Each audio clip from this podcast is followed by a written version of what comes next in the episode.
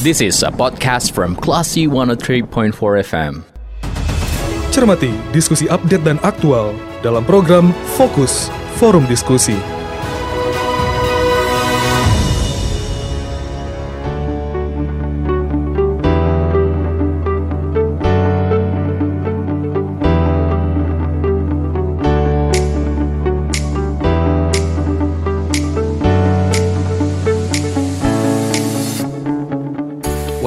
For Classy FM, this is the actual radio. Classy People, Anda mencermati fokus forum diskusi bersama saya Gandhi Prasetya, spesial hari ulang tahun Kota Padang ke-353.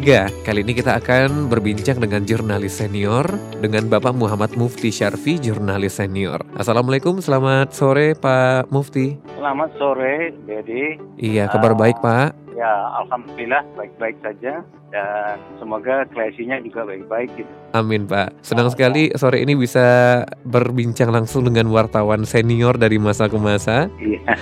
iya.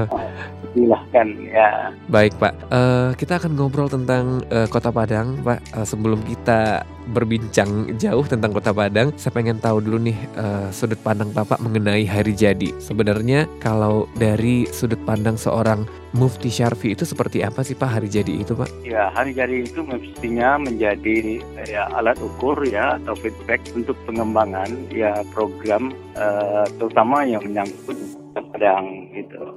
Jadi sehingga kalau hari tahun itu biasanya sering kita jadikan refleksi ya apa yang pernah sudah dilakukan dan kemudian nanti bagaimana ke depan. Ada tangan yang sangat dinamis ini kan apalagi dengan zaman sekarang ya. Semuanya sudah pada digitalis gitu ya. Semuanya urusan depan main dengan digital. Dan sikap-sikap masyarakat pun bertumbuh ya sejalan dengan perkembangan teknologi. Nah di sinilah pemerintah Kota Padang itu semestinya ya berupaya untuk bisa kalau, kalau tidak tertinggal bisa mengejar ya agak sama lah dengan di kehidupan masyarakat warganya. Oke, baik Pak. Nah, di 7 Agustus 2022 ini Pak, Kota Padang ulang tahun ke-353. Kalau dari Bapak sendiri melihat Kota Padang dari zaman ke zamannya ini saat ini seperti apa sih, Pak Mufti? Iya, jadi begini ya. Uh, setiap momen-momen ulang tahun itu biasanya kan kita jadikan alat untuk refleksi ya atau introspeksi ya warga kota terhadap kotanya atau pemimpin terhadap kotanya dan semua pemangku kepentingan yang ada di kota ini mestinya ya kita berharap selalu ya, mereka itu menjadikan momen-momen penting ini bagaimana ke depan itu akan lebih baik. Salah satu contoh ya kita memperingati ulang tahun itu ya, tidak hanya sekedar mengenang apa yang sudah dilakukan, tapi juga ada kegiatan-kegiatan program-program peringatan ulang tahun itu mesti merangsang masyarakat untuk berbuat dan mendapat sesuatu yang lebih baik. Nah ini berbuat dan mendapat sesuatu yang lebih baik. Nah gitu. Oke. Okay. Jadi, ya jadi tidak hanya sekedar ya kita peringati ulang tahun 353 tahun Padang, tapi apa artinya bagi masyarakat yang kekiniannya itu berbeda dengan masa lalu gitu. Artinya apa?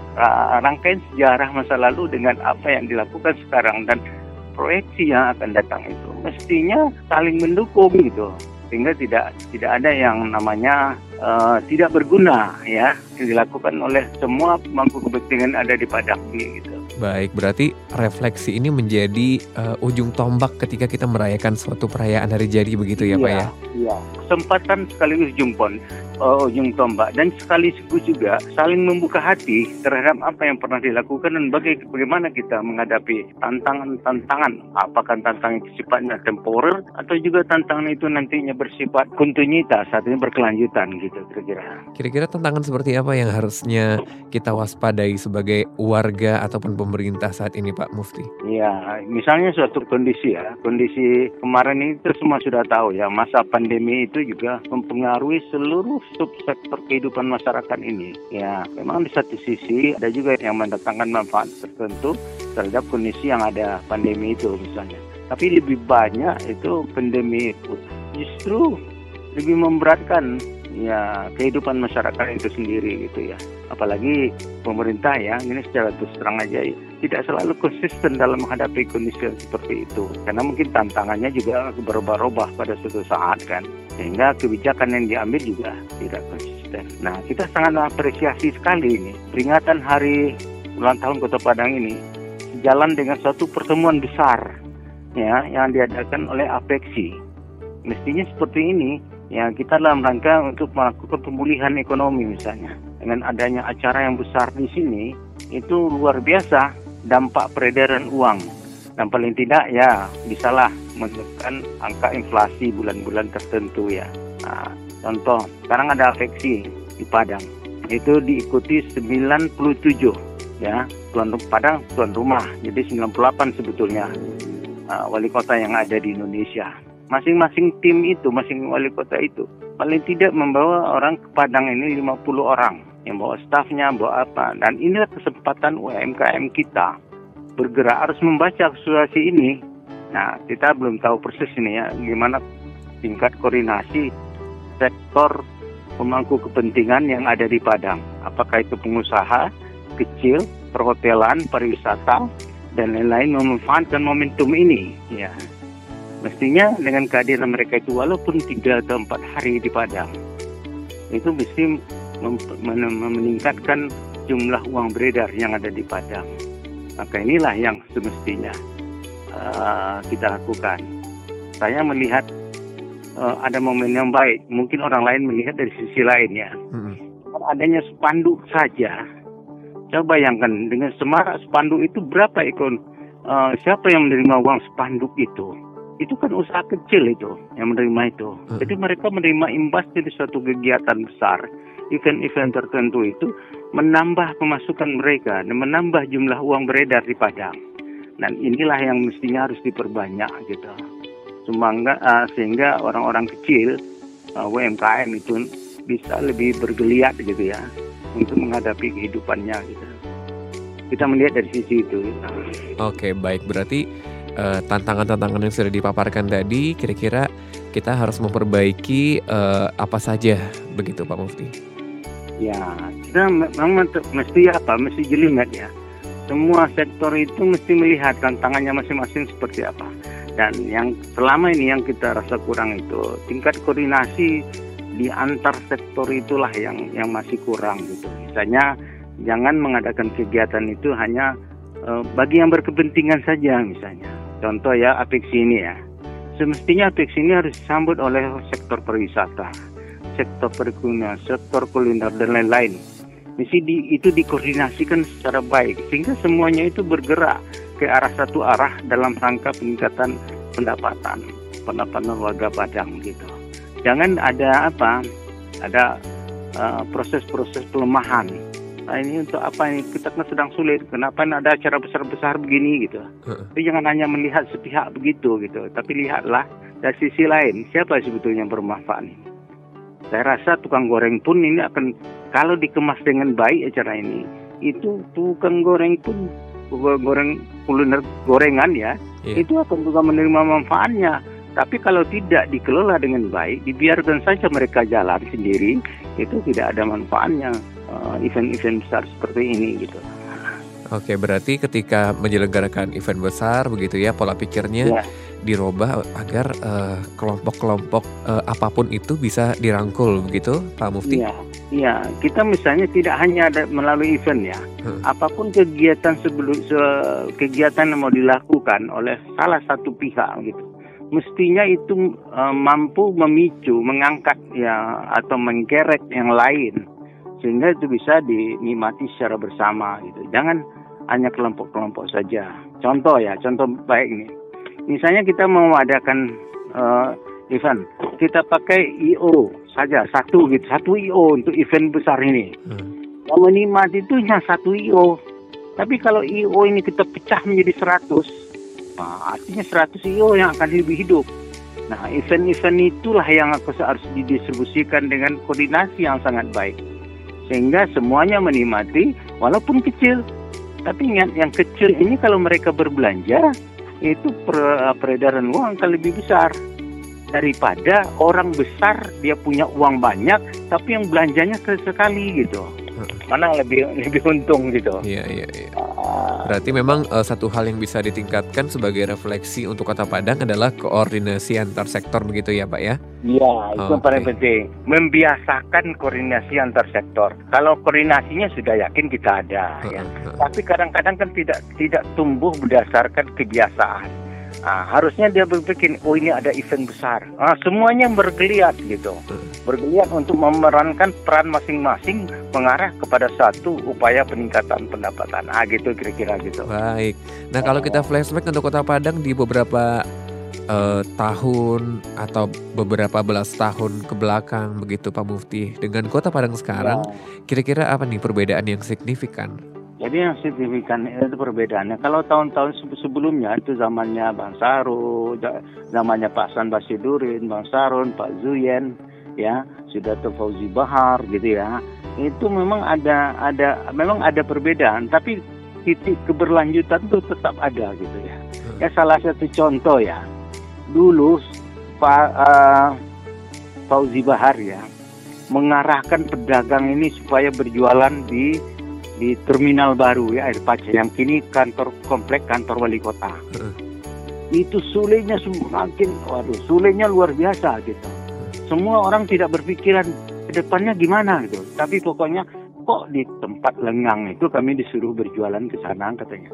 Heeh. Nah, tapi setelah ada kebijakan akhirnya, ke, eh, ke akhir kebijakannya memindahkan perkantoran ke air paca, otomatis luar biasa perkembangan air paca itu kan bypass itu lihat sekarang seluruh pembangunan.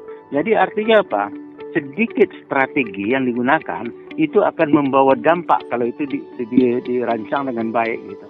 Artinya setiap periode periodisasi kepemimpinan yang ada di Padang itu itu mempunyai ciri-ciri khas.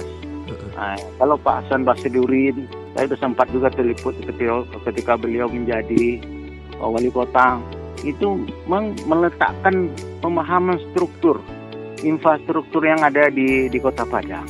Kemudian dilanjutkan dengan Saro dengan menyangkitkan kesadaran warga Padang untuk membangun secara bersama-sama.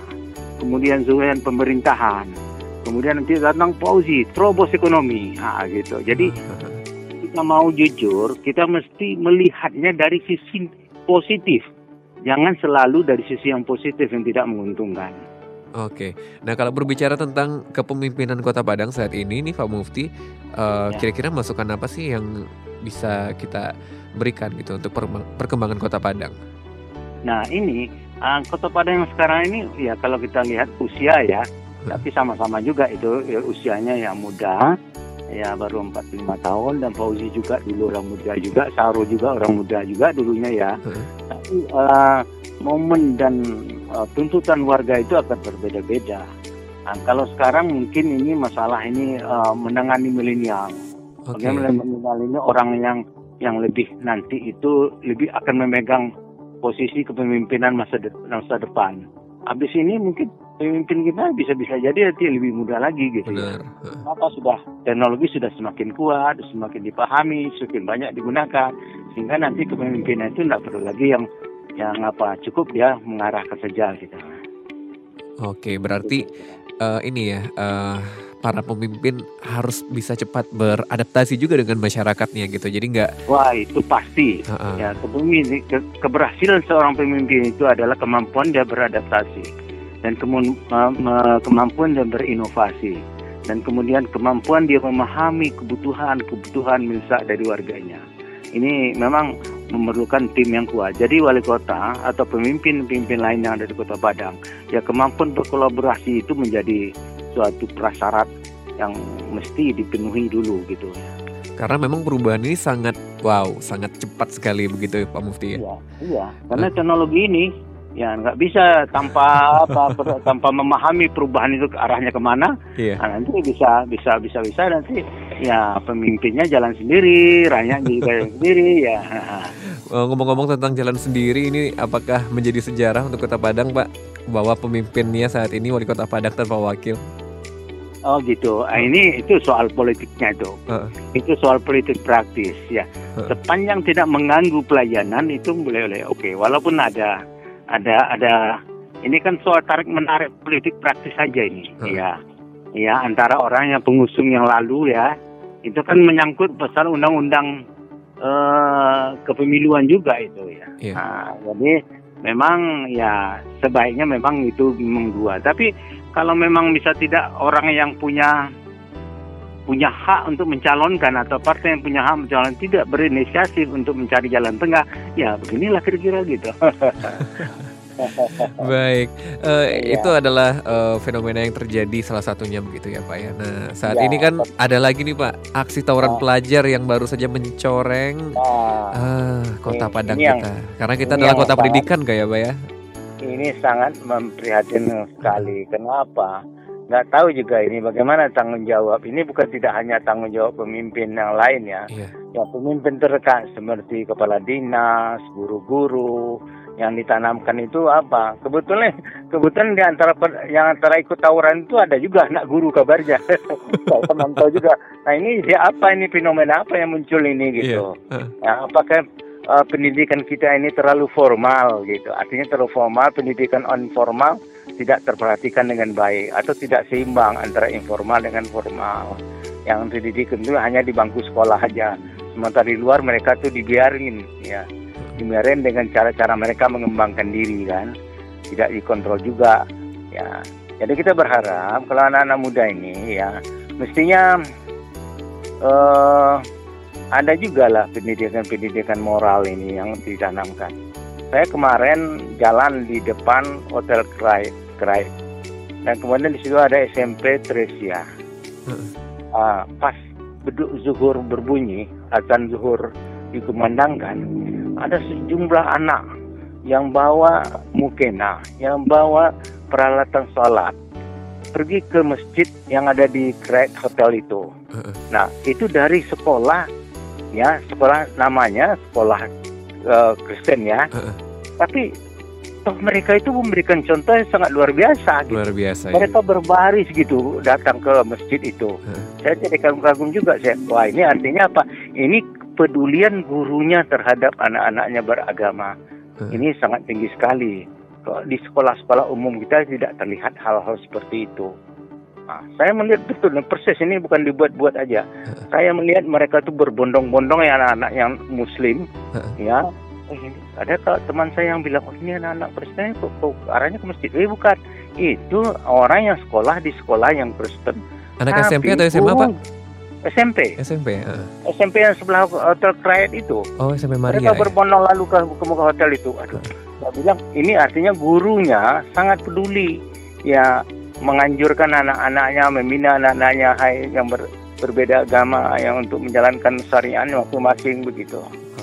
Ini ya walaupun tidak mendalam penglihatan kita ya, hmm. tapi dengan contoh yang uh, fenomena yang terjadi itu itu menunjukkan hal-hal yang biasa. Artinya Padang masih bisa sangat sangat toleran ya terhadap keragaman ini gitu. Hmm, hmm, berarti kota berarti kota Padang sebagai kota pendidikan uh, ada baiknya untuk tidak hanya memperhatikan pendidikan formal saja, namun juga harus memperhatikan pendidikan-pendidikan dan juga edukasi-edukasi non formal seperti yang tadi Pak Mufti sampaikan.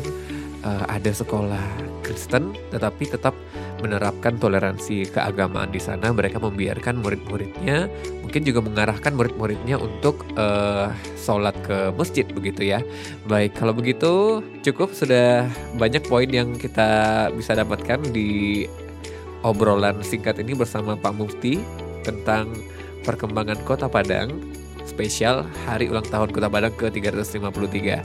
Saatnya saya Gadi Prasetya pamit dan kita ke program selanjutnya. Terima kasih banyak Pak Mufti. Wassalamualaikum warahmatullahi wabarakatuh and then see you.